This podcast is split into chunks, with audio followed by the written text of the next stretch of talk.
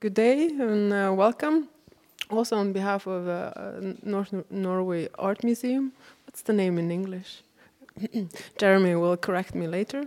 Uh, they are partners in. Uh, my name is Yasmina. I work in Troms County Council. We have a project on. They're very lavt. I begin again. Hello.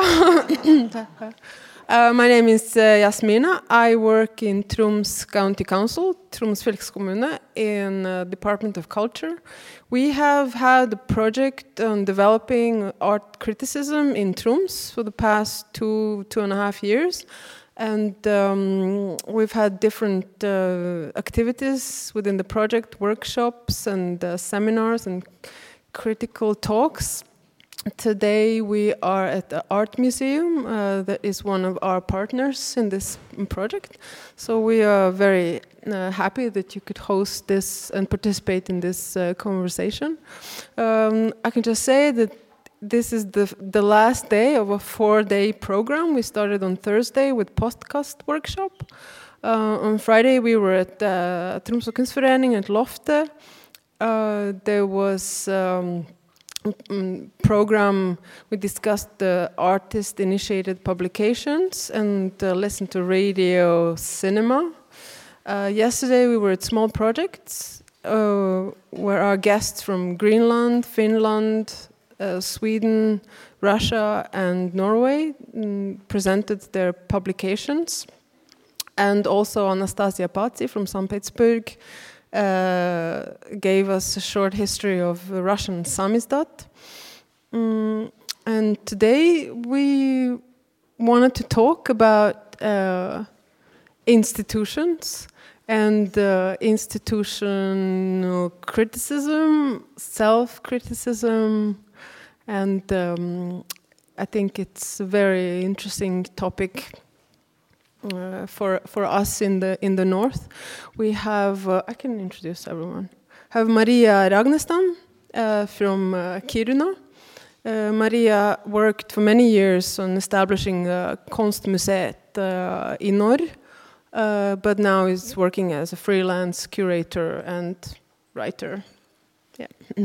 Nivi Christiansen, she's a director of Nuuk Art Museum uh, and uh, Jeremy is the director of our North Norwegian uh, Art Museum.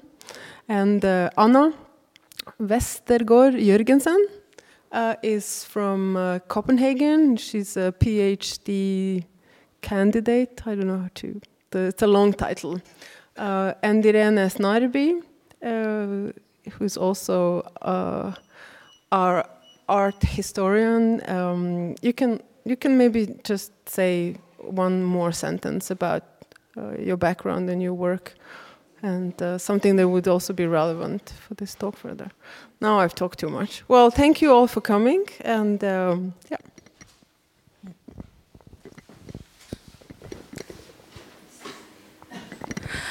Uh, thank you, uh, Yasmina, and um, thank you for choosing me to be the moderator of this conversation.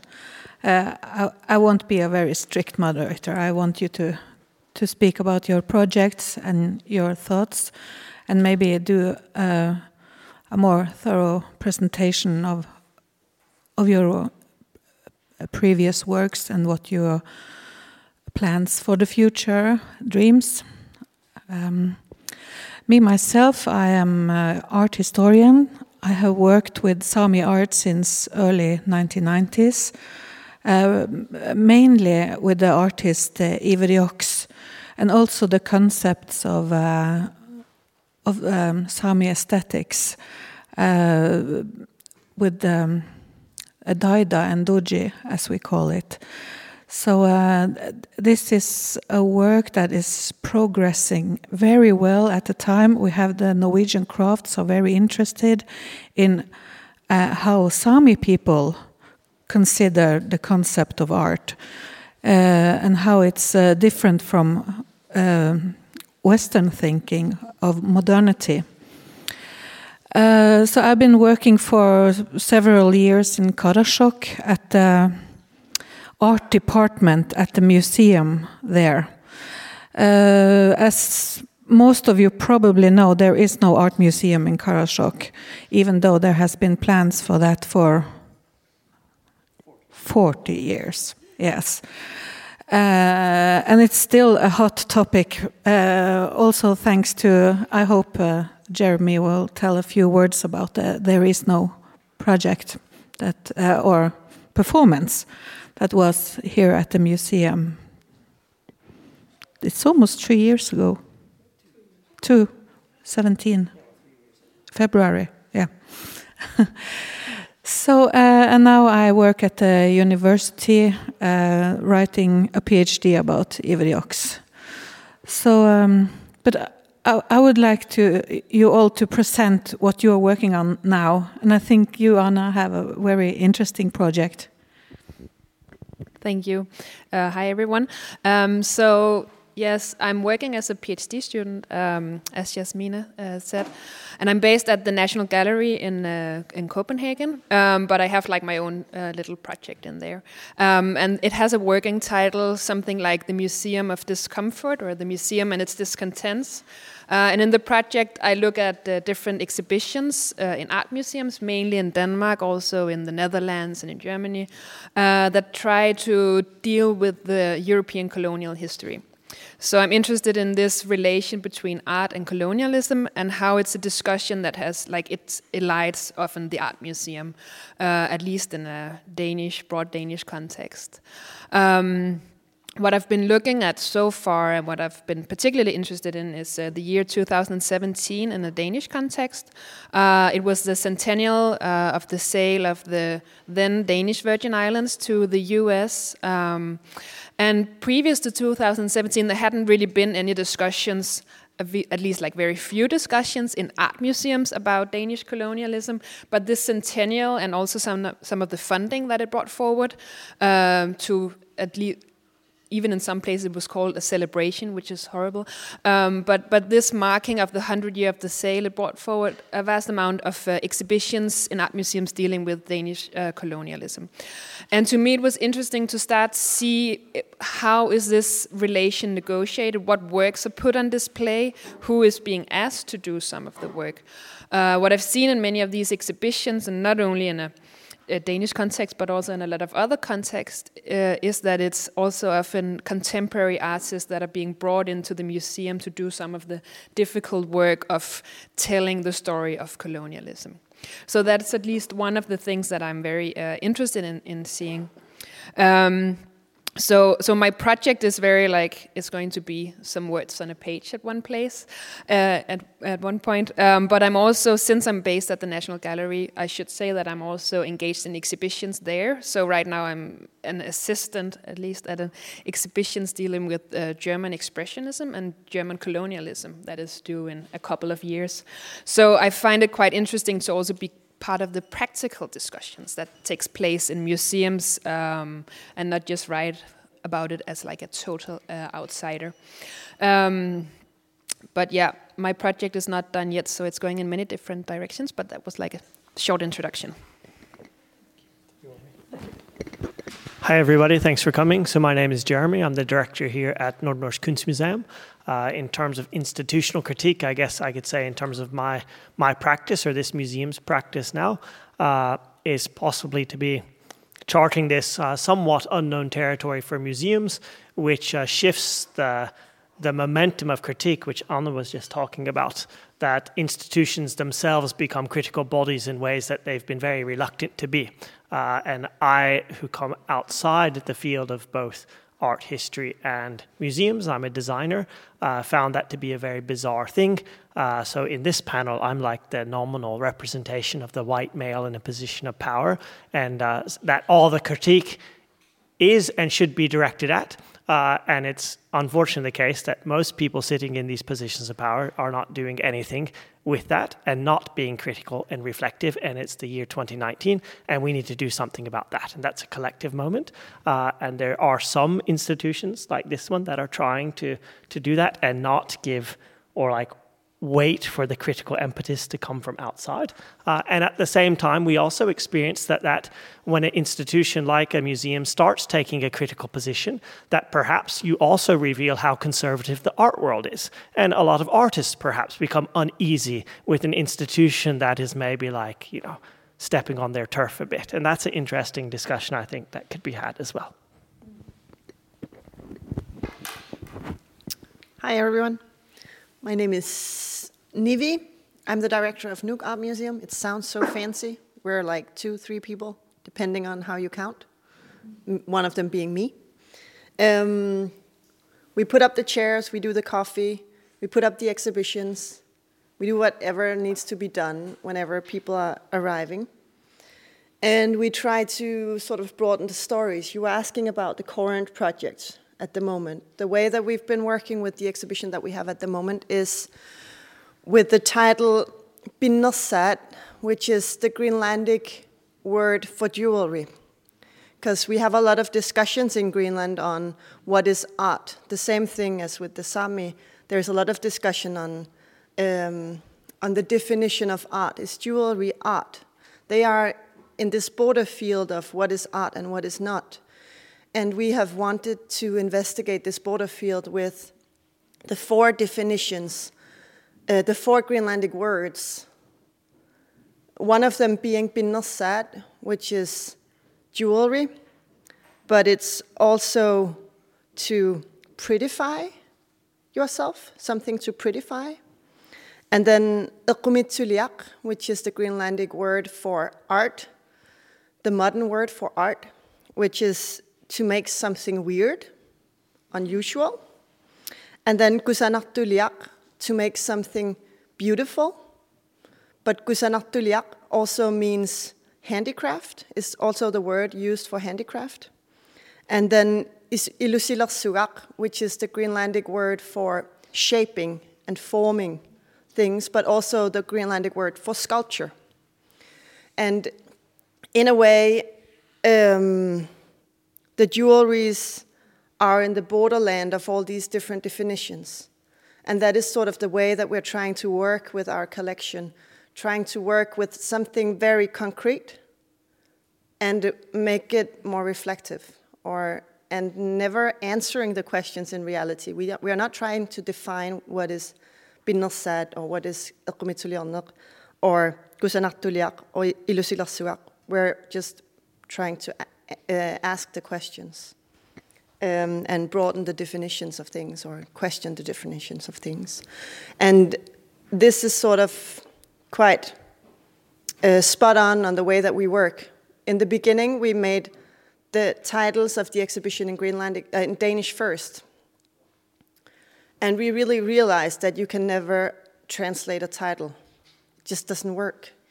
It's much easier to define it in Greenlandic first and then translated into Danish. So this is how this exhibition also came up. That is why the words are essential for this exhibition, the Greenlandic words. So yeah, that is what we're working at at the moment. Uh, my name is Maria Ragnestam. I'm uh, nowadays an independent curator, and right now I'm working with a a big project in Stockholm with um, the South Sami artist Carola Grahn. About a, it's a project. It's going to be an exhibition uh, about uh, contemporary Sami art and Duodji. Uh, this is just one of the projects I'm doing right now, but I think I'm invited to this panel because since 2011 I've been working in Kiruna uh, with starting the art museum, Konstmuseet i Norr. The art museums opened, when I started, there was no decision, there was no fundings, there was nothing. Of course, there was a lot of plans and a lot of hope and a lot of dreams of this museum. And in 2018, the museum started. Uh, so I'm no longer there, but I also found it very interesting when you talked about a little bit like about uh, the Karasjok, that they wanted a museum for a long time. And I think that is of course, I can relate to Kiruna because the dream, uh, like Kiruna is a young city. It's just a little bit, a little bit older than hundred years, and I think as long as the city has been there, there's also been a very strong thought about art and the city and in and in dialogue, and also the longing for an art museum. But also, there's a, a bit of a glitch because everyone wants an art museum, but no one in the political body really knows what an art museum is or what to expect from an art museum. So when they ask for an art museum, they don't really know what to fill it with. And I also see a lot of problems um, how that can be unclear. What is this institution here to do? What are we expecting from it? And how can we meet both what the politicians, which have the funding in this case in, in Kiruna, and also from the people and from the artists?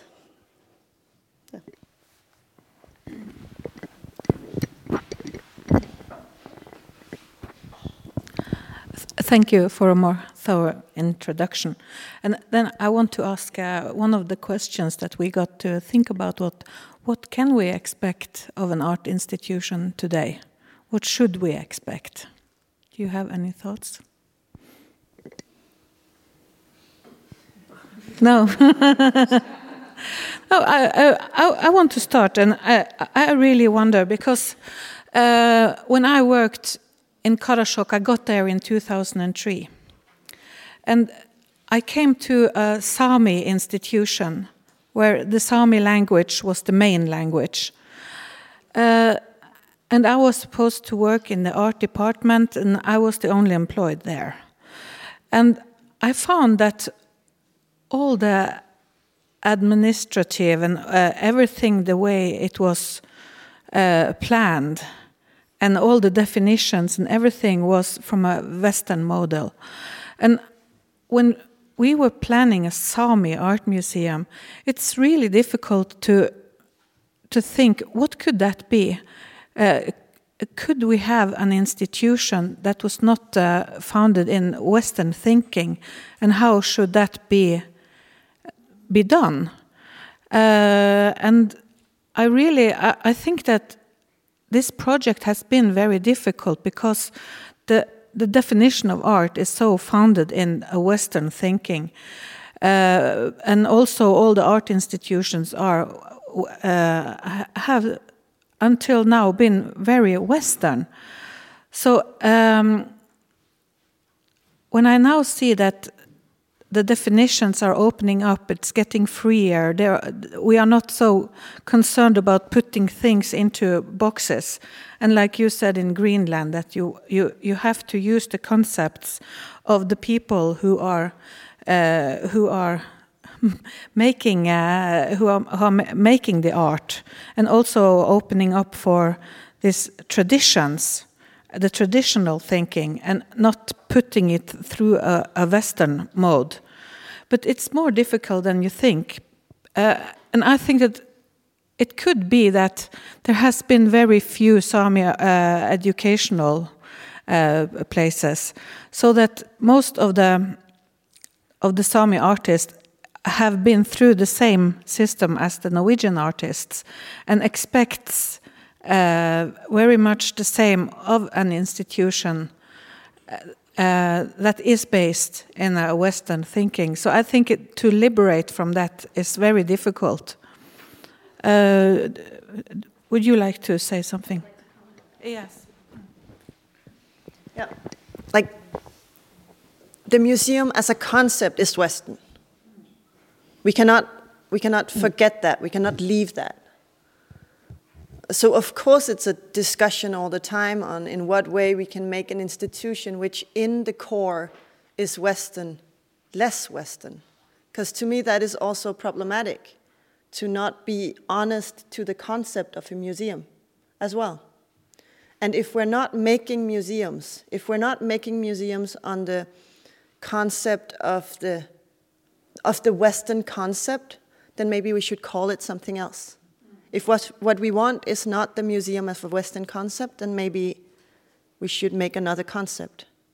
In where I work, when I came in 15, the museum had been functioning for 10 years. It opened in five, and it didn't have a Greenlandic name. And we were discussing what term we should use on the museum for, like, what term of Greenlandic name. Whenever it was used, it was just translated new. And because it's three words, it was differently translated all the time. So we need to sort of fix it into something. And in Greenlandic, we have the word for museum is Katersugaasivik, which directly trans translated means a place where you gather things. And in Greenlandic, it's really it's it's very physical. It's not stories. You don't tell it. You don't educate. It doesn't cover any of the other things that you would think a museum is supposed to do. It's a place where you gather things. It's the storage, basically. And we were really much in trouble with this term, not wanting to use it. And at the same time, when you look up the dictionary, that's the word for museum in Greenlandic. And then there is the other word which we have used, Sakromassitivik, which is a place where you um, exhibit things, but it's also where you present, as you would do in a, like when you sell stuff in a window, you would also say this is an exhibition. And that is the word that we have ended up choosing in lack of another word. Because we didn't want to call it a museum. We didn't want to call it a place, also because the museum doesn't have a budget to gather stuff, which also means that we couldn't buy stuff. So, how could we call us a place that gathers things without ever gathering anything? So, I've, like, I really find it difficult with the term of a museum if we don't want to, like, if we want to turn it into something different, we should just make another term. What about the uh, term institution? what word in Greenlandic for that? There is different words. I think it's the word for uh, people working together, basically and not we don't have like the yeah. You can see why it's difficult to translate titles right? Like already now we're in the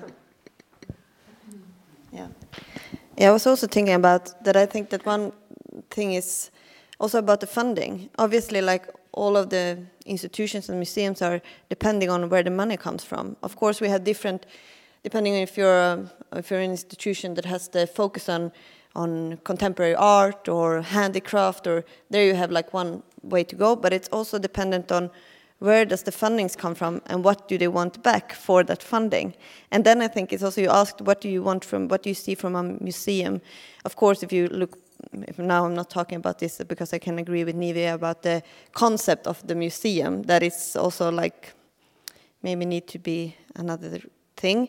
But it's also that i think it's it's very important to to for a museum to be brave and, and remember that the thing that they are going to do is also to, at least in the smaller places, to be able to um, have a conversation and maybe also say no sometimes to the politicians because you will have a lot of wants for that funding that you get for doing things, but also to be true to what was actually the what is what is we what what is the mission that we are supposed to fulfill in this space or in this institution or with these people that are working. Uh, and that could be different things, of course.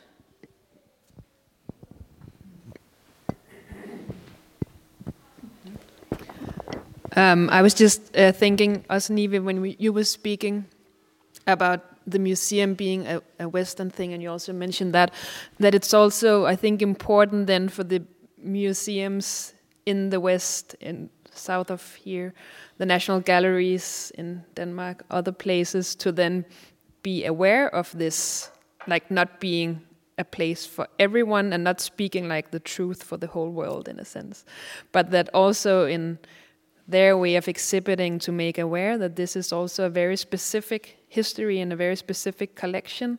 Um, I think a collection history and provenance and stuff like that is like super simple, but it's also very important to show how why is it that we see what we see when we enter uh, a museum.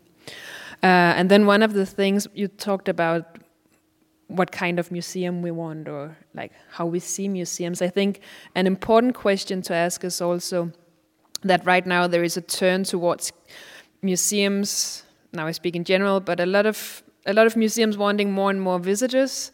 Also, in a lot of places, due to uh, cutbacks in, in, funding and needing to get more visitors for the money, but also just because we live in a time where you want more and more. Um, and this more and more visitors often come with a simplification of uh, narratives, and it often comes with a simplification of what a museum is, what our history is, etc. Uh, and it's being like con connected to a place where the museum needs to, uh, where the where the museum needs to be a place where we need to feel good. You need to have a nice coffee in the cafe. You need to be able to buy nice stuff in the boutique, and it's not because that's not necessarily a good thing, but it's also like if the museum then becomes like a place only of good experiences, nice experiences, like where do you put all of the difficult stuff? And that would be my worry, like if the museum can't be an unsettling place anymore because we need to make sure that people feel nice when they come in there. Um, I think that's also it's not a wish for museums in the future, but it's like I think that's a question that needs to be asked asked as well.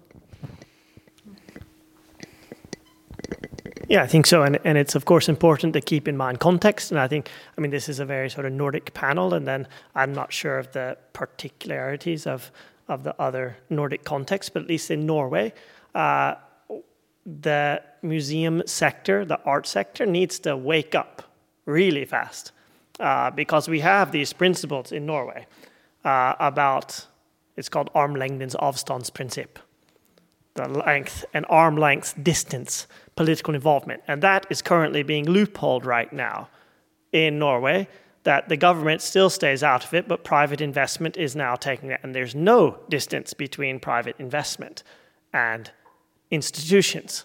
And nobody's talking about it, and we're all sleepwalking into a future where we lose the critical potentiality. For a project like the There Is No Sami Museum, that Nordnorsk Kunstmuseum did together with Museet. That has been recognized by, for example, some museum people in Denmark as one of the few, if not only, examples of a museum project that exploits and capitalizes on the potential for critical commentary and distance in like the Norwegian Nordic system.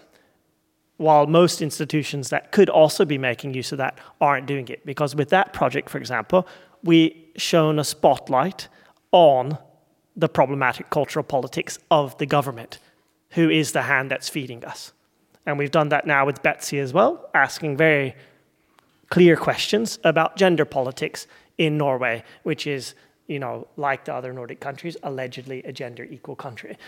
And my big question is why, why, are not, why are none of the other institutions doing these sorts of things while they still have the chance? Because it becomes much more difficult when you get into the total private capital situation, which we're sort of sleepwalking towards right now, uh, like American colleagues I have, where it's boards and things. Right now, we have boards that are like, you know, are the, the artist groups in the north of Norway still have representation on boards.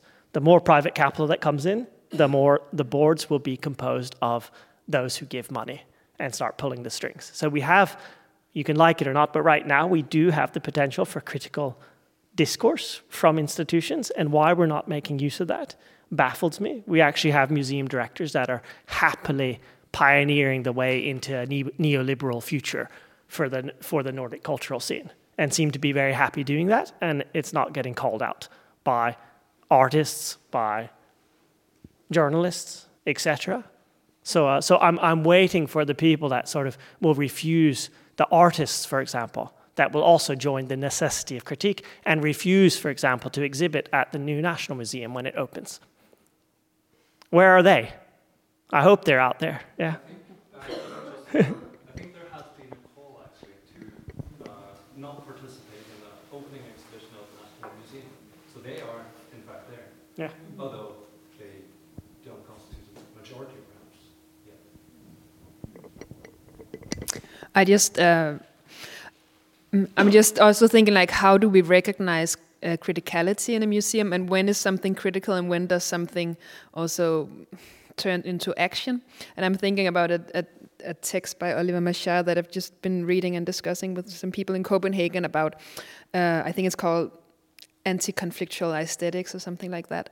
Anyway, his idea is that the museum is a place that is also a little bit critical or a little bit political, so it's not really political at all because there's a lot of maybe it's the work of art or maybe we can say that the museum is already political because it's maybe state funded or something like that. It's, it's within the political system, but that means that it doesn't like ever turn into action and never really do something that really wants to change uh, anything. And I think that's interesting because I think that goes along with what you're saying that maybe some museums say no, but we work critical. We have a work of art that has some engagement in, in, in some political conflicts, and that work of art in itself can be very important and do some important stuff. But maybe that then becomes an excuse for the museum not to do something more and maybe not like self-questioning its own funding, its own political implications, um, etc. So I think it's it's also interesting to like when do we call something action and when or when are we called to action uh, through the art? Mm -hmm. yes, I, I had prepared so many questions, but I think that we we are going in in a direction that is really interesting, and I was going to ask because I, it used to be, at least here in Tromsø at the Art Museum of Northern Norway, that uh, we were, the people who live here were educated by the museum and that we could come here to see really important, uh, what the museum meant was important artworks for us in northern Norway to learn about. Uh, and there were very few artworks uh, from within the Norwegian, uh, northern Norwegian society, and and uh, almost no local artists. It was uh, not interesting at all. But how we were, our part of the world was viewed by others were really important. And uh, how do you? Uh, um, today, I feel that the situation is changing, and that maybe it's a generation thing or something. But I feel that uh, uh, uh people are expecting other things from the institutions now. Uh, and that we don't want to be educated from people from the outside anymore. And do you have any thoughts about that, Jeremy? Says the guy from the outside. uh, yeah, I mean, obviously, I, I, think, well, maybe if I go to what I sort of read as, as behind that question, uh, I, I think that there's this to have institutional criticality, you, you, you have to begin with self criticism. I feel very strongly about that, and that's been a large part of the work that that we're doing here as well. Uh, because it's easy to point fingers and and to do this stuff and, and point out what's wrong here and there and at different places, but you sort of need to sort of look in your own backyard first or inside your own house. And that, of course, was one of the major questions here uh, when we talked about museums and what we call things. And I mean not all museums necessarily need to have a colonial past, especially ones like this that are was founded in 1985, uh, but miraculously managed to build an extremely colonial identity for itself. in 1985. So it, it had no pre existing ethnographic collection and all this stuff, but it managed to sort of play out all the things we might have problems with about museums, all the things that museums get wrong and make mistakes with, was sort of like rolled out on the table in an amazing way for me, uh, looking at that. And I think so, one, one major first step is acknowledging these things, acknowledging problematics, and then also resisting the sort of uh, I don't know, the putting the responsibility elsewhere because museums are very good about that. So most museums, including this one, including other ones, uh, if we, you know, we've been working a lot with indigenous and, and Sami things, but there's also the gender politics. This is almost every art museum in the world has major problems with representation in its collections when it comes to gender.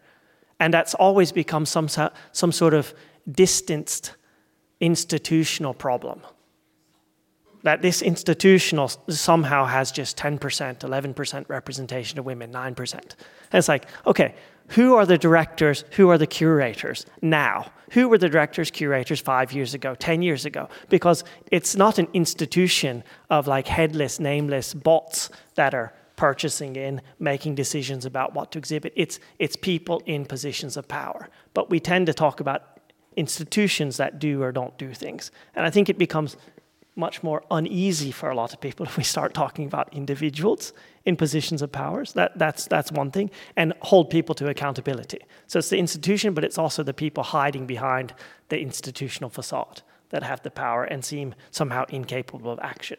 I feel very strongly about that. Uh, so to acknowledge and then to work with that, because it's sort of, I mean, it's it's like the shift we've seen re recently. You're either racist or you're anti-racist, right? There's not like this gray area that you can just cozily continue to operate in, which seems to be the way many museums have been been doing, that they just sort of operate there in a space that nobody's sort of demanding things of the individuals. Uh, so that was, I mean, as you know very well, Irene, with this institution, that it's it's actually it's a bit mind blowing that you could, after the Alta conflict in the late 70s, 80s, when the Sami issues and politics were very much on the table in Norway, a very high profile down in the center outside the parliament in Oslo, that you then manage to create institutions that ignore the Sami aspect. I mean, this is some this, and this is recent history, and it, it should it's totally unacceptable actually. But we still just go along cozily talking about somehow some impersonal museum that just happened to do it, and we know who the people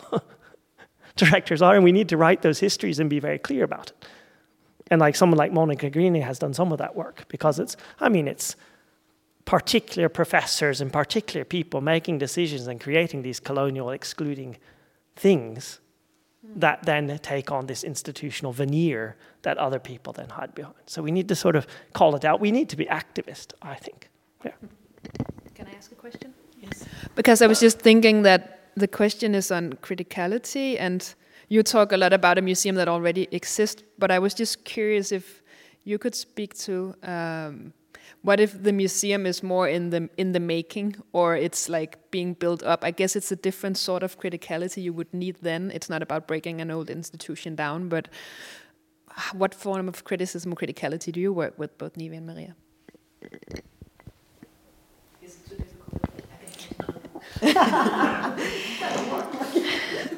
No but i think of, of course there's a totally different you don't have a past to work against but you still have a lot of expectations at the other hand and, and a lot of wishes and dreams of course but i think that one of the most important i can only speak for me because obviously i was alone starting the museum uh, of course so because i was the only one employed to work with this so i very quickly created different groups around me because i, I also know my own limits and like what I know and what I don't know.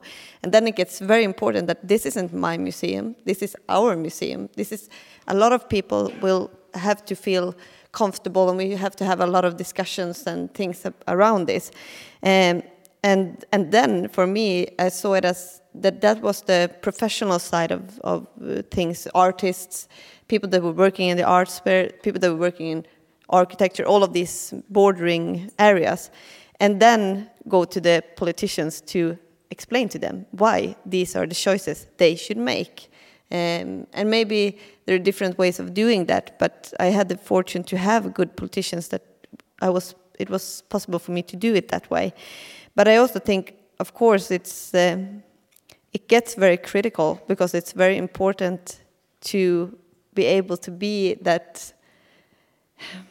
I don't know how to put it, but to be brave and to be able to stand by the things that we have chosen to do and try to do and continue doing that when the as we have the same saying with this arm length distance from the politicians but when they're starting to close in and starting to put pressure and starting to like then it's super important to remind them about we are the professionals here we are working with this every day we we are not this isn't an opinion only we are basing this on knowledge we are basing this on talking to other institutions. We're basing this on all of this research that actually is in place. We're not just like picking these things out of our hat and like think a little bit about this is today and tomorrow something else.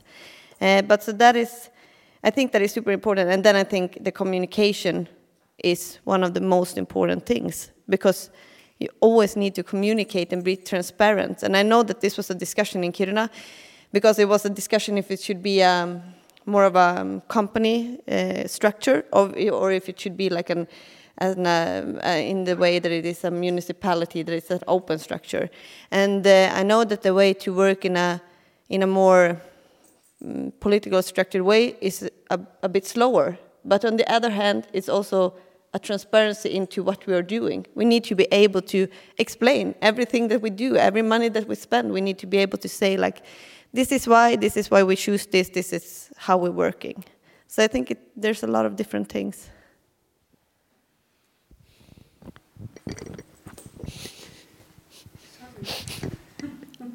I don't know, like, mm, where I am now at Nuuk Art Museum, we were handed an exhibition from two, 2005, and it was so problematic. I had actually brought a picture for you. If you want to see it, I can show it on my phone later. But um, it was one artist, Emanuel A. Petersen, which is, was a Danish artist who traveled to Greenland and did most of his sketches in Greenland, and then brought his sketches back to Denmark, and then he painted in Denmark, he painted Greenland. And then the founder of the museum was so fond of this Emanuel A. Petersen that we have 150 pieces of his art. So it's like 10% of the collection is only by this one Danish artist. And it was all romantic. And I think my colleague said yesterday that if he painted a um, turf house in the middle, he would sort of delete all the other things that were more modern in the area around, and then it would only be a painting of the turf house. So he, he had this image of Greenland that he wanted to, to show. And that was hanging in the entrance of the museum. It was everywhere, all around you. You were surrounded by the pieces by him. And then we had the small Greenlandic um, handicraft uh, tupilaks, uh, white bone figurines in glass cages in front of them. And that was all you saw when you entered the museum. And we had this um, middle aged Danish woman entering the exhibition, and it was a day where I was standing there in the front and she just entered that one room and she immediately said, Oh my God, this is exactly how I imagined Greenlandic art. It's so beautiful. And she had seen two things. She had seen one painter, a Danish painter, who painted a hundred years ago from when she entered. And then the bone figurines that we have a lot of discussions about because the Tupilak, as we name it today, it started as a tourism thing. It didn't start as an art project. It started because the foreigners came to Greenland and heard about our myth, myths and sayings and all about these mythical figurines, uh, mythical uh, creatures that you couldn't touch and you couldn't see. And then they asked the locals to carve them. And this is only 150 years ago. They asked the locals to carve them and then the locals carved them, and then they bought them and brought them back out of Greenland. And um, these has sort of become the Greenlandic art now. And that is what she saw when she entered. So our guideline right from the beginning, when she said that to me, has been to do it differently. Like, to, what can I do to make this the opposite way around? To make her confused when she enters the space I didn't thought this was Greenlandic art. Or is that Greenlandic art? So I wanted that reflection. And right now, they're in the process of building a new Greenlandic art museum. Ours is municipality based. It's Nuuk Art Museum. While Big, the big architectural firm company from Denmark, won the competition of, um, uh, of a Greenlandic uh, National Gallery, the drawings of the National Gallery. And um, we know nothing about what's supposed to be inside. You asked the question, what do we fill it with? Earlier with the Kiona, I could say the same. I have no idea. And you're asking in what way we work with it? We don't. So at the moment, the only thing I can refer to is Nuuk Art Museum. I can only refer to the fact that I know what I don't want for that museum to become. And sometimes it's much more difficult to decide what you do want than it is what you don't. But sometimes it can also be this good way of saying that is exactly what I don't want to do. so yeah, it was a long, weird answer. uh, I just wanted to pick up on what um, Maria was uh, explaining here, and uh, uh you you told us that you had a lot of explaining to do for the politicians, but could you elaborate a bit about that? Uh, what exactly was the most difficult part to explain?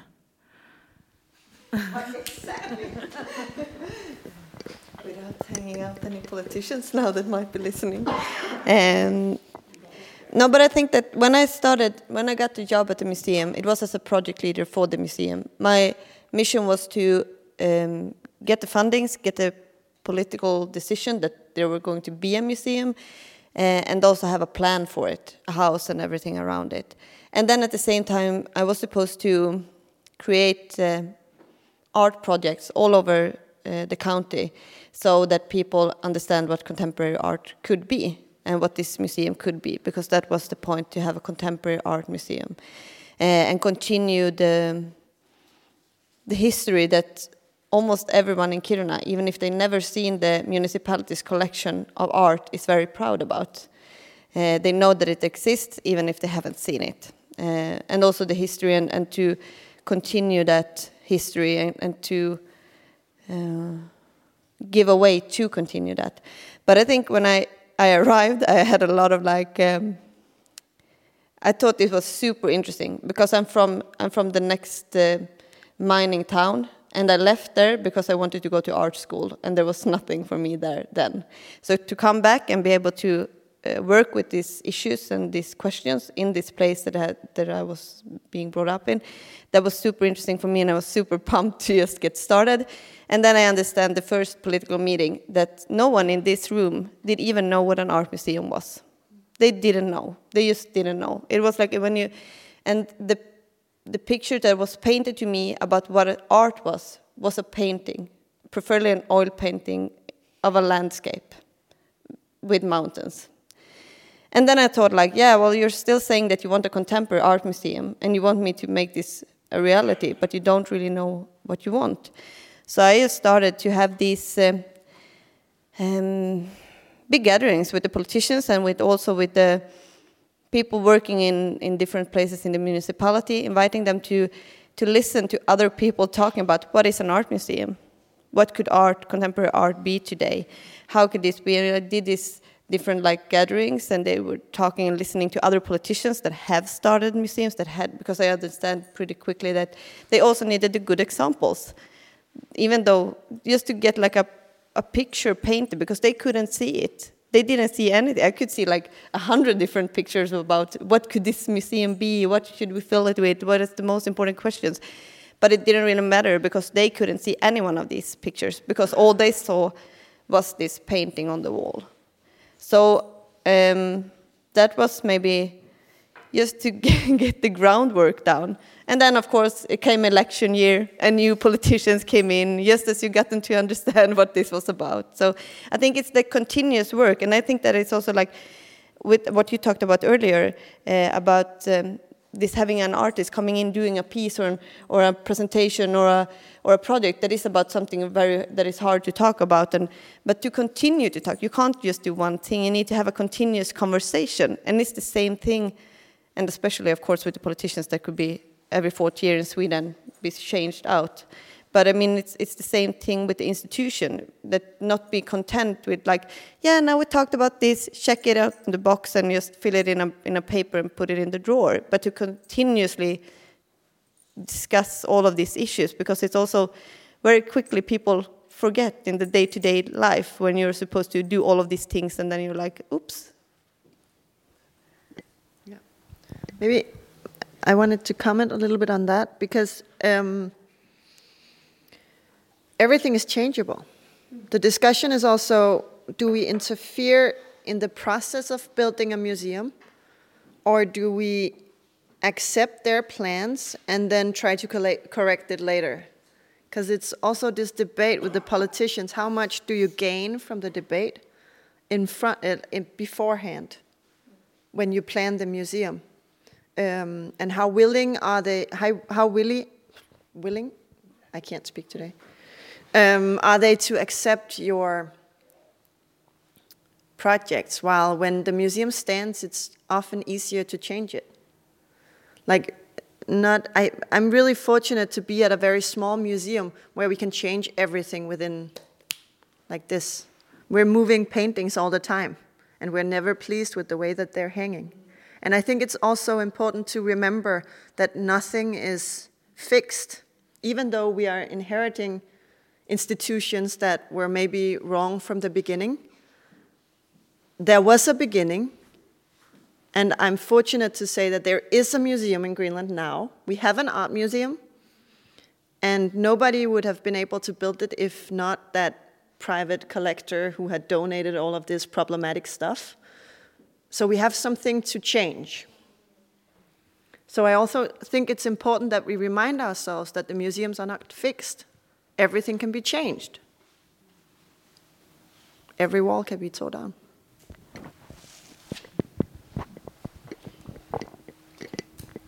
Um, I was just thinking when you told the story about the lady being impressed with Greenlandic art because it confirmed everything she already imagined.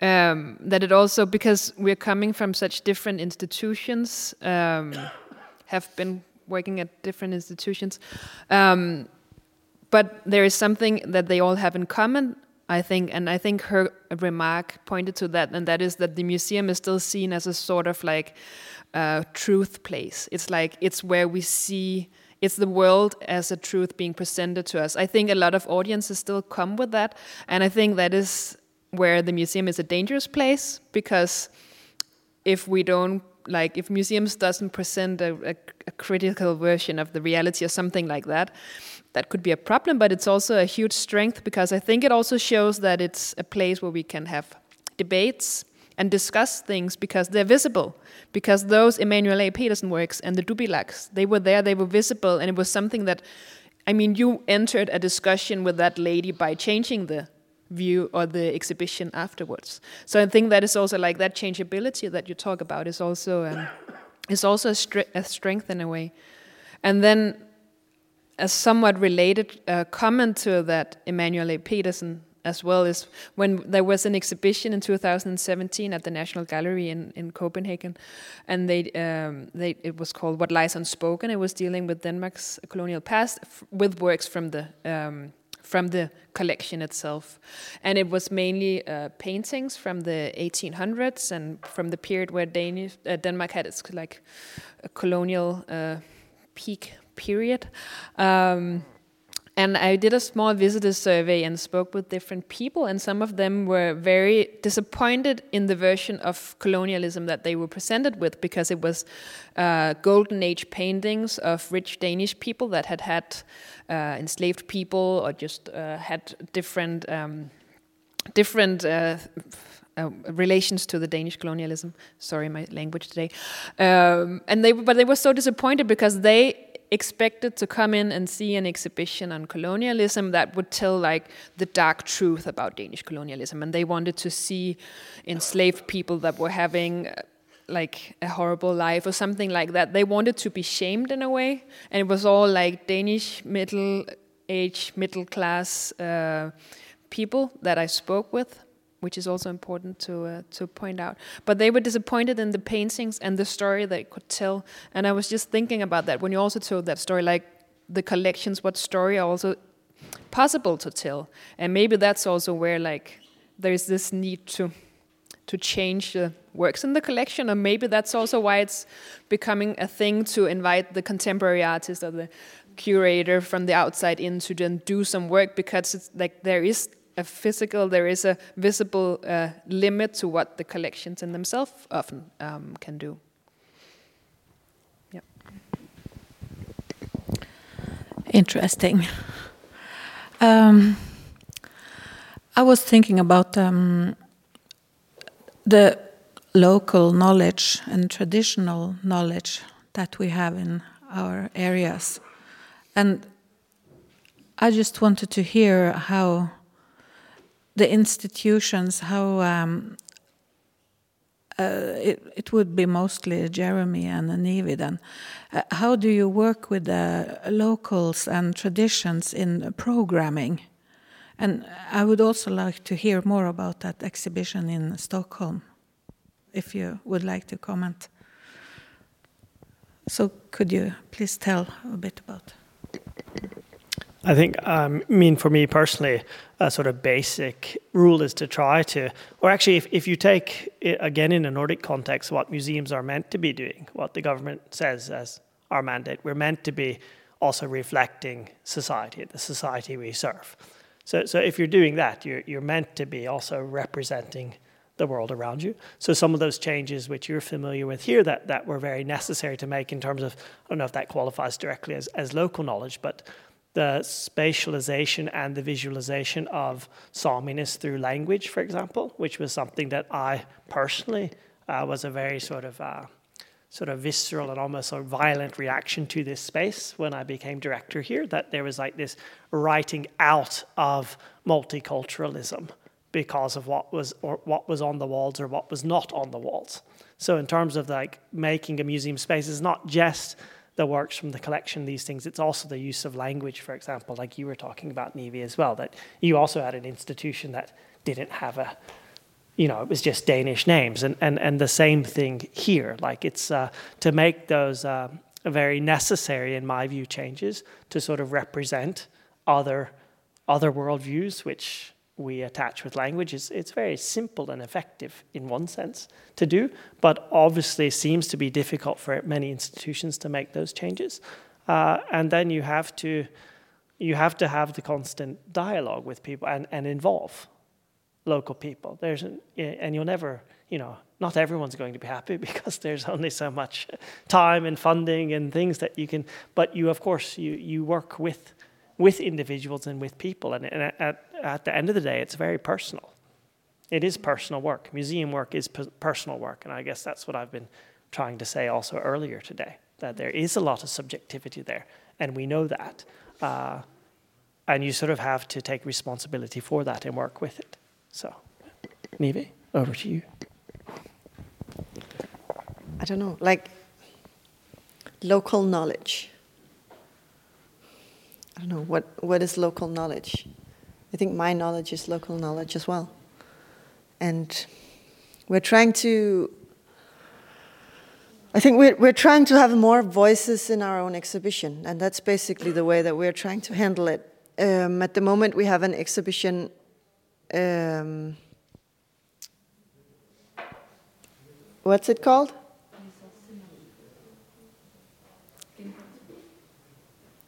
What's that in English? Recognitions, yes. Um, where we have asked, uh, like the, the old people in your city that everybody knows. You know that. Like every city has them, everybody's referring to them, everybody knows them, and ask them about things. We've asked them to choose five pieces from our own collection. So they have decided on five pieces. And then we've interviewed them on both why they choose those pieces, and then they have chosen a piece from their own wall to hear why they chose that piece from their own wall. And this was made both for us to put in um, put a focus to the fact that the pieces at the museum has been chosen by a person, a, a private person, who chose them for his own walls, and he has his own arguments on why he chose those pieces, and also to put a voice to the choosing and to put a voice, give them a voice as well, and see if we if we don't choose the pieces, what will be chosen then. And I think it's important to give a space for those voices as well. And that is one of the ways that we're trying to work with the, with the collection. And then there is also the fact that we just lost a personality in Greenlandic art last week. He was the one who inherited he was a widow and he inherited the whole collection from his wife, who was a very well known Greenlandic printer and graphic. She was, was amazing and she was one of the ones who started the art school. And he died suddenly last week. And all the knowledge that he had is disappeared. He managed to write a book, he managed to do a lot of work collecting throughout the years, but right now we're in panic. And this is something that happens every year. So we're trying to write the histories, we're trying to interview the local artists. We're doing a lot of exhibitions at the moment with local Greenlandic artists. And it's not because it's not important for us to have a view from outside as well and to have inspiration from different areas of the world. It's just as much because if we don't collect the stories, if we don't curate it at the moment, we don't gather the stories that will be lost if we don't do it. So it's just as much about writing stories, collecting the things that, the, knowledge that will be lost if we don't collect it. And there is a huge problem with this as well, also referring to what you uh, were commenting before, Anna. With, I, I did a um, presentation a couple of years ago titled The Truth in Curating Greenlandic Art. Because whatever I write, whatever we write, becomes the new truth. Because nobody has written anything else. If I write something about this artist, that is what people will read in 20 years. And I hate being one voice. I hate having my own, like, because there is no truth. You said, I know the limitations of what I know. I need more voices in the exhibitions. So, how do we gather more voices when we are very few in our field of art in Greenland and still put, like, so we are in constant debate about this, um, trying to write the stories in a more reflective way and still be honest and say, this is just my voice. This is just, we are three people and this is what we see in the art pieces. I know. Yeah. Yeah, I think that is interesting also because we all come with our filters. We all carry our own filters and our own histories and our own backgrounds. And I think that is also important to remember and maybe like be transparent about to say it sometimes. And I also think now when you talk, Nivi, about this we talked about a little bit earlier, like the outside inside perspective. I think also, at least from my um, experience working in Kiruna, it doesn't need to be um, a negative thing about taking someone from the outside in, because sometimes it's easier for them to start the questions that could be really hard to ask without um, making someone angry or making yourself in a bad position from the inside. It's just about the choosing and having the the fingertip feeling of, of how to go about it and, and to know to get the help to understand the mm, the cultural concepts that you have to um, be a part of and, and maybe adapt to. And then in, in relations to the exhibition that we're doing, we have talked a lot about this because I'm doing the exhibition together with Carola Grahn uh, who is uh, Sami, and I'm not, but I'm living in a Sami family with reindeers and a, and a partner that is uh, working with Duodji. Um, so we have different experiences of this world from two different sides, and it's also a conversation I think about the curator and the artistic directors because we have a lot of uh, we have a lot of power, even though we're not in the top, even if we're not like the bosses of the museums. We still are the one who picks and chooses and, and put together. And of course, if there's an interested museum director, they will ask. But but not all of them do. So I also think that is a, a, a conversation to have, and we have been discussing a lot because when you get this. Uh, invitation to do this exhibition in Stockholm that hasn't really been done before, a big exhibition with contemporary art from Sapmi and Duodji from Sapmi. Um, what do we do with this space when we get this opportunity? What do we want to talk about? What do we want to um, show and not? And I don't think that it's. We've been talking a lot with each other and a lot with other people because I'm, for once, doesn't think that I lose anything by inviting other people in the conversation. I don't feel that that takes away from my work. It just gives it more. Uh, grounding and, and I can say that I feel more that I know why I choose things and that we had some discussions about some really important issues. And I think um, I think it's important. Like to me, what is the best thing about art is that you're never wrong. Everything is right. Everything you're never like you don't have the one truth there is always different truths about art. So there is always different perspectives, and I think it's a it's a space where we can, if we're good, we can make space for a lot of truth, for a lot of different kinds of reflections and versions, because everyone will look will see something different when they look at a painting, or at an art piece, or have a different experience. And I think it's important to make space for the different the differences in the way that we look.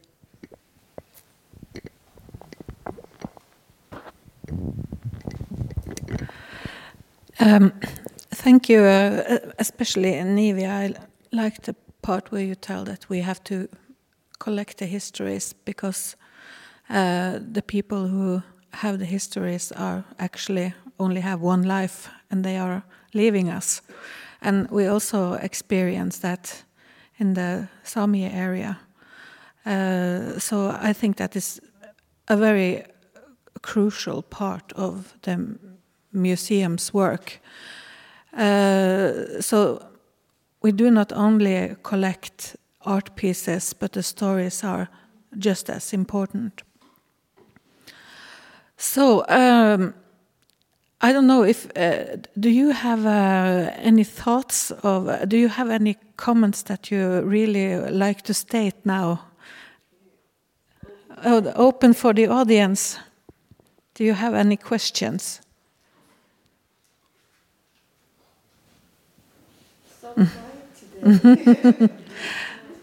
yes.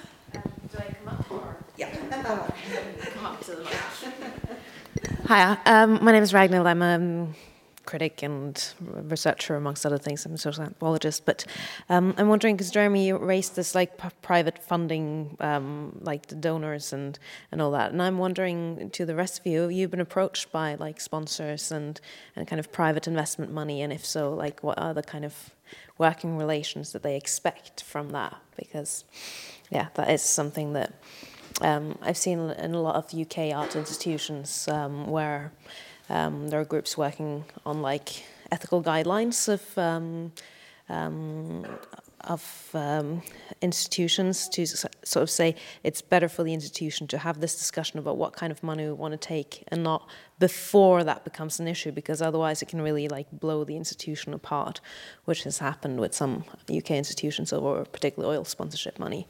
So I'm just wondering whether you have any like whether you have any private funding at all, and if so, like what the terms of that are, and if that's something that you think about. We don't. No, no, no, no, no, no, no. These are not prestigious enough institutions. yeah, well. I can say that my PhD is funded by the Novo Foundation, which is a big medicinal company in Denmark, and I'm okay with that um, but I think at the at the National Gallery, um, there has not really been any discussions about guidelines or ethical guidelines for the funding. I, I was part of a working group that was supposed to, or we did like a small timeline of the museum history, and besides from that timeline, where we wanted to pose different questions about the museum. We're also doing like some different stations in the uh, permanent collection, focusing on different uh, themes, uh, and they are not made yet. But uh, one of the things that I really wanted to was a station that focused on exactly uh, funding and where the money comes from, and being like very um, transparent about where the money for the museum comes from. Because of course it's a, a, state museum so a lot of it comes from the state but i think it's not even half of the money that is, is being spent at the museum. Um, so i think that could be really interesting but that idea was very um, quickly shut down because that would be a problem so yeah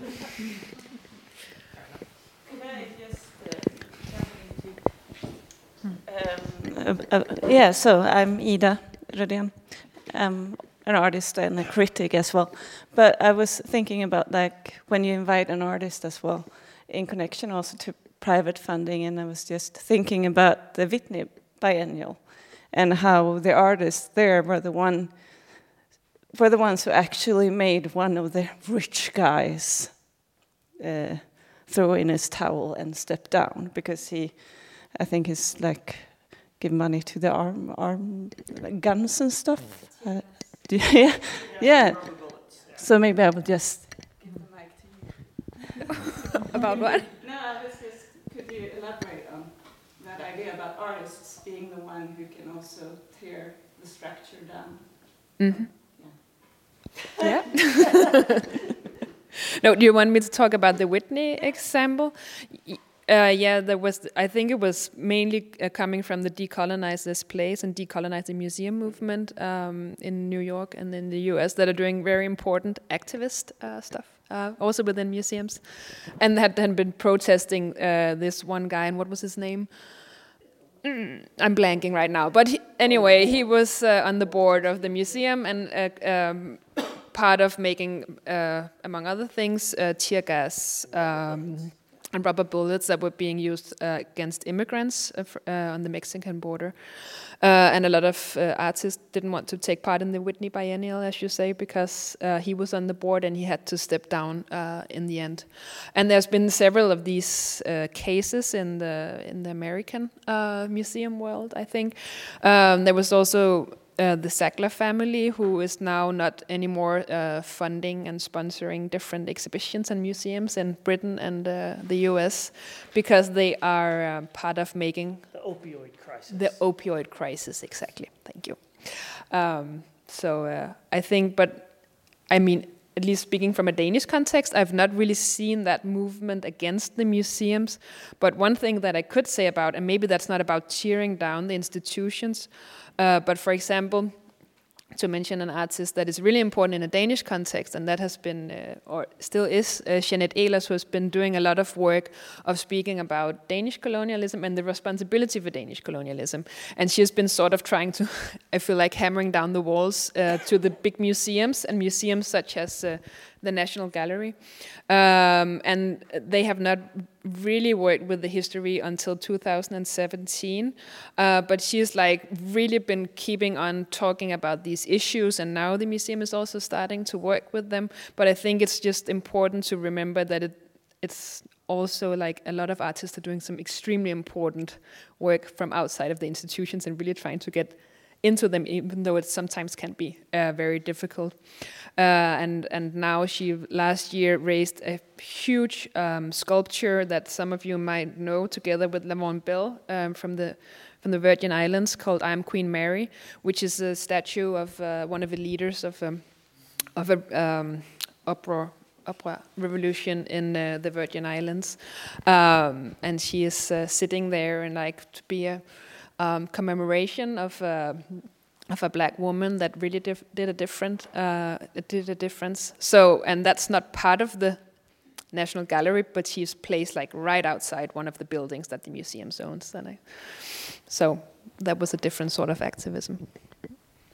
I can just comment quickly. I think it is one of the interesting things with the artist power, and of course, it's a very specific dynamic of particularly artists who have extreme clout and are extremely high profile and are very have managed to be very much a part of the sort of elite art world. So when it comes to the opioid crisis, for example, one of the leading figures in protest now is Nan Goldin, uh, and has exercised influence against the Louvre, against the Tate, against major both U.S. UK and uh, French with the Louvre in, in the summer institutions, and of course there's very few artists that necessarily can exercise that type of power. But it's interesting that uh, uh I guess it has to do with that self reflection and self criticality that when you are in that position and can make a difference, and y- you then do something. And, and we've seen the same thing with some of the, the British museums as well, with, with different individuals sitting on boards that do very high profile, very public withdrawals from boards with very clear letters and statements published in newspapers. And, and I think that type of work, uh, we need to see more of that. We need to welcome that because that has to do with, with taking responsibility when you're in position of powers. I can just say, as an aside, one of the questions I think I get most often now when I present abroad in museum conferences are, well, aren't you scared of getting fired?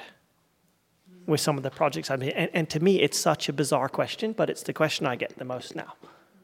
And then I think, what, what, what? I mean, I get a lot of cultural workers, you know, but at least in the Nordic countries, we we have it pretty well.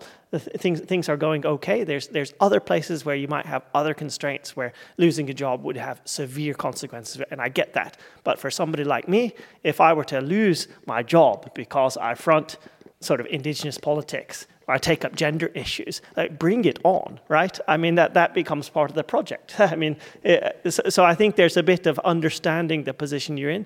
A lot of artists don't have power. So for certain artists to say, no, I'm not going to exhibit here, that will do very little. What we need is the person who has the contract with the National Museum and then threatens to pull out the day before the exhibit opens.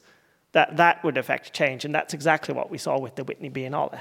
Like we were actually, we were at Riddu Riddu and one of the artists, Nicholas Galanin, who's in Alaska, he was there with us, and they had just sent the letter. So it wasn't this sort of, oh, are you interested in being part of the Whitney Biennale? No, we, we protest. No, they were like the headlining acts, and then they threatened to withdraw. So it's about using the power as well. And, and, and that's not everybody that can do that, but people who can should be doing it. Yes.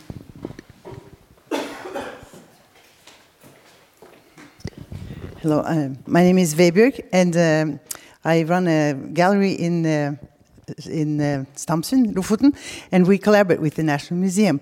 And I've actually been, uh, I just had a show there now called uh, visual visuelle nabolag, visual neighborhood, where uh, Andy Warhol was also there, as I mentioned yesterday. Anyway, with one, his painting of the Queen Sonja, and some prestige, and that was a big thing with a lot of security around that. But the whole idea, uh, of course, I'm not going into the details, but the whole criticism of how they, how they, what the choices, uh, thinking of gender, of course, with a show like that, supposed to be a big show, traveling around the country, uh, mostly to bigger galleries or museums, but also I was lucky to have it. But uh, I'm getting more critical towards them, especially, of course, because of this uh, this new uh, sponsorship with uh, with, with these Fredriksen sisters. So I'd like to suggest for people collaborating with the National Museum, even though we're not the, on, on, on, top of the list of the famous artists ourselves, we can all contribute somehow and, and refuse to collaborate with them. And Nordnorsk Kunstmuseum, you also collaborate with them sometimes with their shows, don't you? Uh, not, not anymore, no. No, different settings. Yes, right. But anyway, I think it's a, in skin. They are. They have. They they do some collaboration. Tromsø Kunstforening has also had some of those shows. So it's uh, it's an idea to uh, to make a protest uh, against it. So I, I, think it's a very good idea. And I, uh, since I'm standing here, I must uh, the the situation for this particular place has been real good with the new the stronger political uh, profile that uh, Jeremy has been uh, fronting. It's really it's I'm proud to be a, a, a part of Nord-Norge with our Nordnorsk Kunstmuseum, the way you are working here.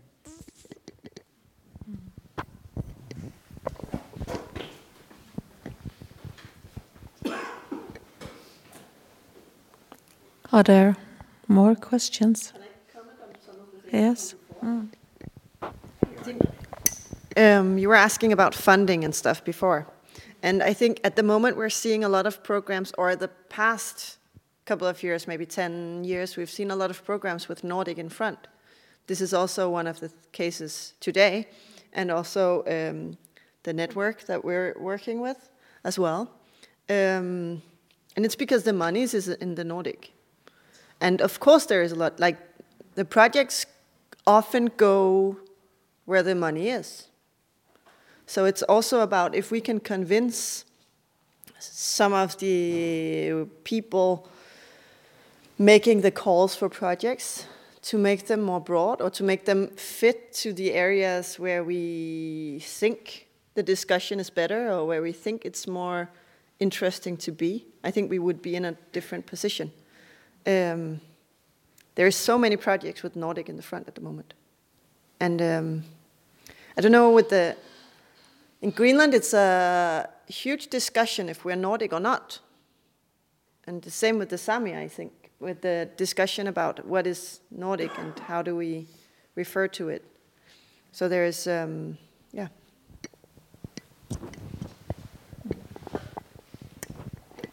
Well, I, I actually think that the Sami people are agree on being Nordic.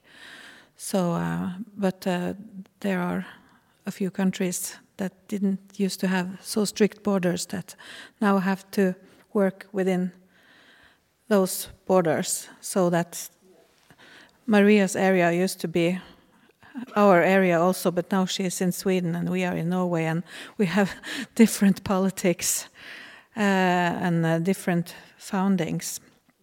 And I was uh, just thinking about something that has been discussed in. Take the phone. at the university where I work, and especially at the Sami Art Research Project, uh, we were thinking about uh, this um, um, who are curating exhibitions, and it's really interesting to see. Uh, for many, many years, there have been so few indigenous curators, uh, and also now lately, the Sami art has suddenly become the thing that everybody's talking about, and it's really interesting to see how people who rejected Sami art before now are fronting it. Uh, so uh, I don't know if you have any experiences with being so popular. Anybody? We need social anthropologists where Yeah. all that phenomenon. Yeah. But it's, I think it's good that they're getting clever. Like, I think it's a, s- I- think it's a healthy sign. I hope that people are turning that way around. I'm also thinking because uh, Nivi and I we're both in the network. I think we forgot to mention uh, called the Art of Nordic Colonialism. Um, are you in that too? Hey. okay, but we've just been in uh, in Copenhagen um, and also to visit the National Gallery and see their collection of Greenlandic uh, art, which is around hundred works in the Department of Graphic Arts. Um, and I think it's just it's so good that they're being like discovered. I mean, people knew they were there, but they have not been worked with or exhibited. And I think it's like within that framework of that network that they're being discovered. Just to back up, I think it's it's not it's not just a bad thing that because we maybe have some funding going in directions of the Nordic or the colonialism or these different things that make people aware in different ways. And good good things also come out of it. I think, yeah.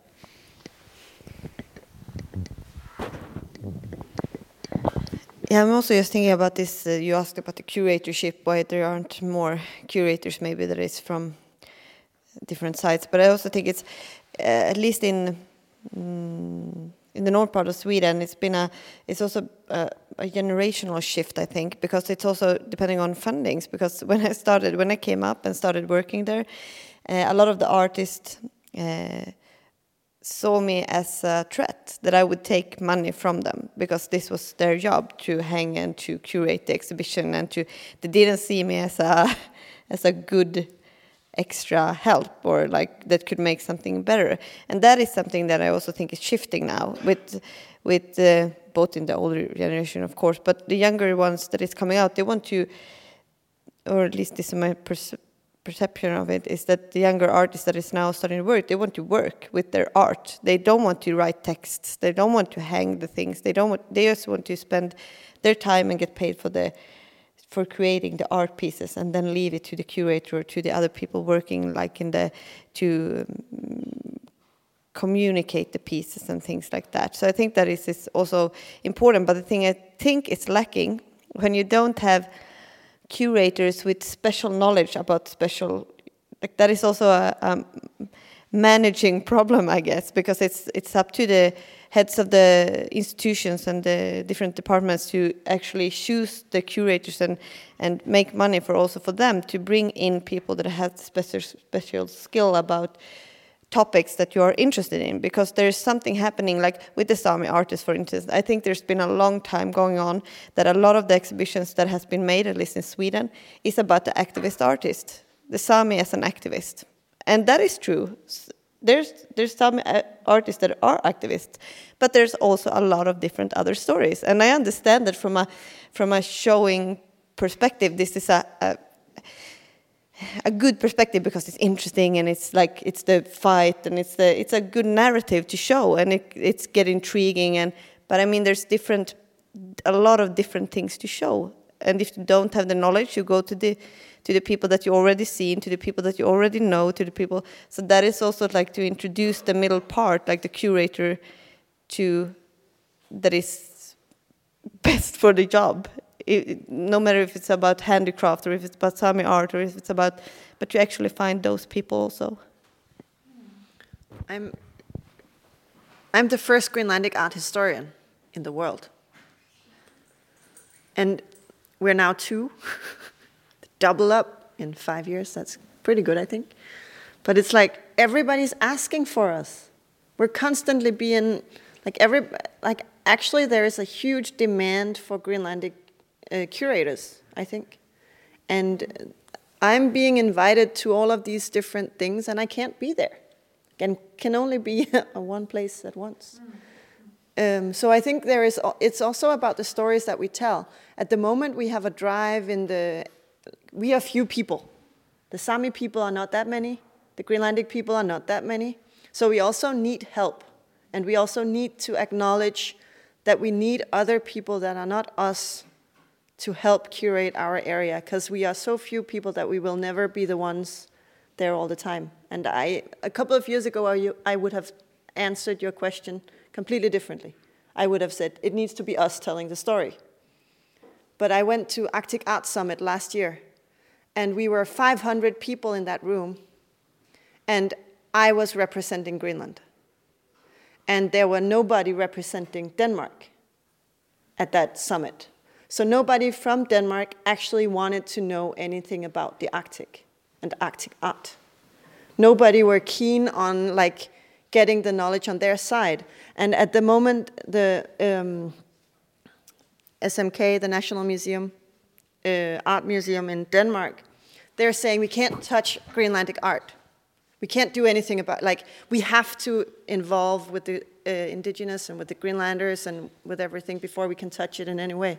And I think that's dangerous as well. I don't think that's like, I, we need people to want, not to ju just because they have to, we need people to want to learn more about Greenland. Curators, especially.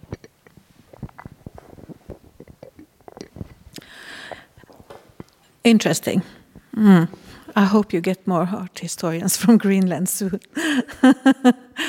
uh, no, I was just. Um, smaller than Tromsø. Like yeah, yeah. Sapmi is a bit bigger, um, so but good. Uh, no, I was just thinking if I should say this or not, but I was thinking about a debate that we had. I think it was earlier this year that the biggest newspaper here in uh, the north of Norway was arranging, asking why Sami art is so angry and I think that is a result of what Maria said that it's so easy to take the, uh, this political stuff and front it. And I think, especially if you are not very well known in the Sami culture, that you could choose this that is. You, it's actually easier to talk about pol politics than the aesthetics if you're not an expert. And I thought that discussion was uh, impossible. Uh, and uh, there really were no interest of discussing other aspects of the Sami aesthetics than the angriness. So, uh, so I think that it, it's important that we have more voices, yes, but also that what you started to to um, um, point out that we also need education, we also need people with knowledge. Uh, so uh, I don't know if if anybody of you have been on that dis discussion. Jeremy, you were there. What do you think? Is Sami art angry? I mean, I, I, what was interesting about that discussion, of course, is that the for me it's the the other side. I mean, the the need for critique because it was like this scandalized white majority society. Like the real question was like, why are you people so angry? And we're we're offended by the anger. I mean, that was the really disturbing thing about that debate. I thought. Uh, I thought it was totally fine to have that debate, and then I was shocked by, uh, you know, how scandalized people are that other people are angry. Uh, and that's the, that's the major problems that are seething here right under the surface as we speak, right outside the, the window here, right? I mean, uh, so, so, so that's, that's the, the real issue. I mean, I agree with you, of course, there's a lot of other things to talk about, but for me, that became really apparent that, uh, you know, it's sort of that, that sort of uh, white privilege reflex that somebody's angry about my, my world. And it was, that was, yeah, and we saw the same thing with the gender issues. There's people that are scandalized that other people might not be happy with their version of the happy life. Uh, so yeah, there's a lot of a lot of critical work to be done. yeah, and I also think that it's like I, I, don't know about this particular seminar or discussion that you talk about, but I often think that you um, you can find yourself um, who are like in in different uh, places where who has been the one who has invited to uh, for example this question about the samis like the sami people like it's often a, a very white um, person or, or like a white institution that has invited and started the discussion. It's rarely is the Sami themselves because they don't get to choose and pick and choose where, when they want to talk about this because it's always when they are invited by someone else that has the power, which is rarely themselves. So that is also something to think about, and I think it's it's not only regarding to Sami. I've been also invited to discussion about youth uh, culture in the north, where the middle-aged in the room was maybe 55 and they were all like discussing why how they could reach you. And, and then suddenly there was one young girl she was around i think 20s and she was like yeah well maybe you should start asking why you have this conversation here in the municipalities like ground building and not in the schools. Why, why aren't like the teenagers that you're actually talking about where are they? Because they could actually answer this question for you. And i think that is something that you like often you skip over and you're like talking about someone else or inviting someone else to be one when they should be the hundred and you should be the one.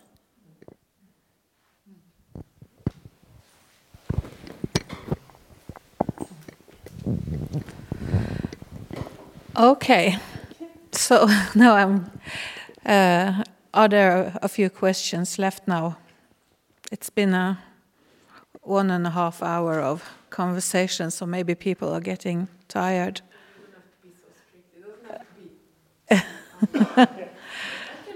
yeah. Hmm.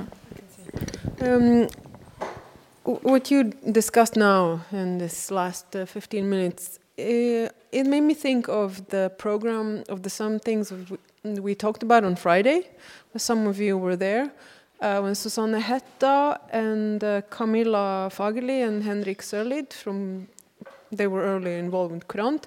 Susanne Hetta is uh, soon publishing a book about Masi group, and Camilla and Henrik have worked on um, 10th anniversary of the Art Academy uh, book that it will also be published in the beginning of next year. And I think Susanne's uh, book is coming um, in any soon, any day. Mm.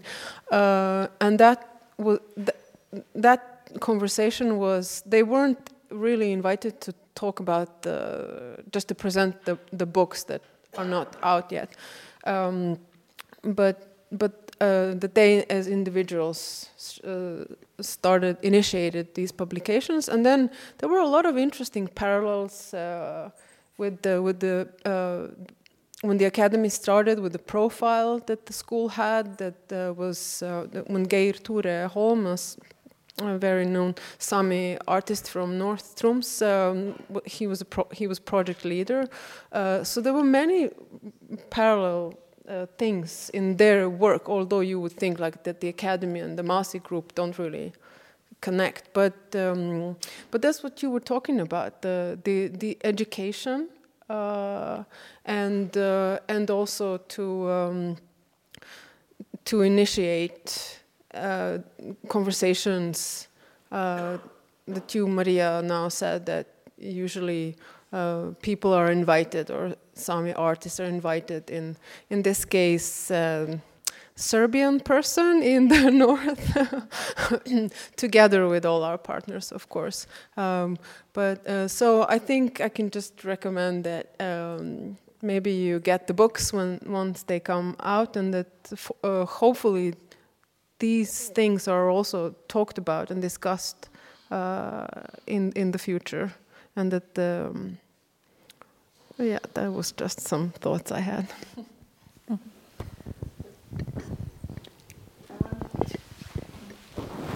the books will both books will be in English, so it will be available.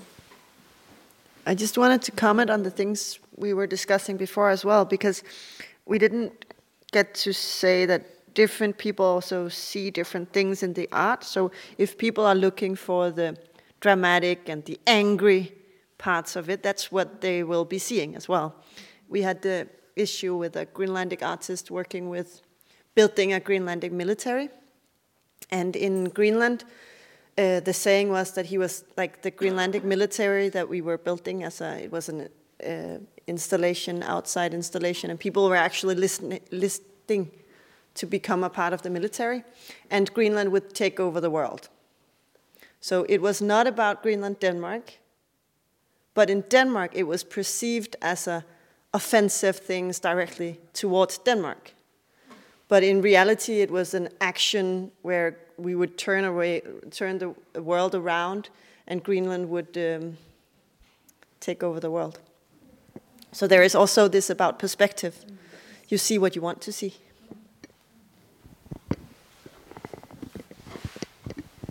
Do you have a last comment, Anna? Mm, can I think about it? yes. Jeremy, no. yes. Yeah, I think it would be a bit like, as you say, people have their own views, but it's also how you put it, how you like uh, contextualize it, how you present it, how you introduce it.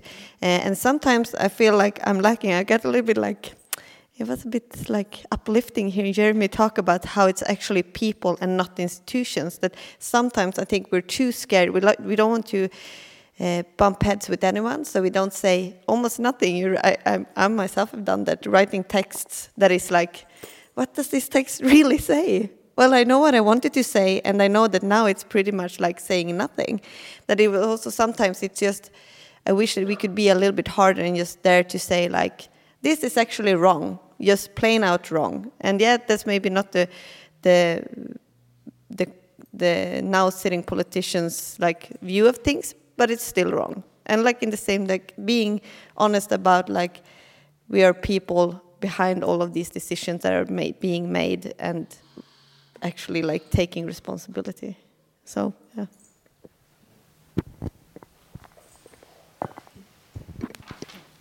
No. Anybody? Well, then I, I would like to thank everybody for this nice conversation. We, we are so agreed. so no, no uh, discussion really, but just telling about our thoughts. And uh, thank you, Jasmina, for arranging this.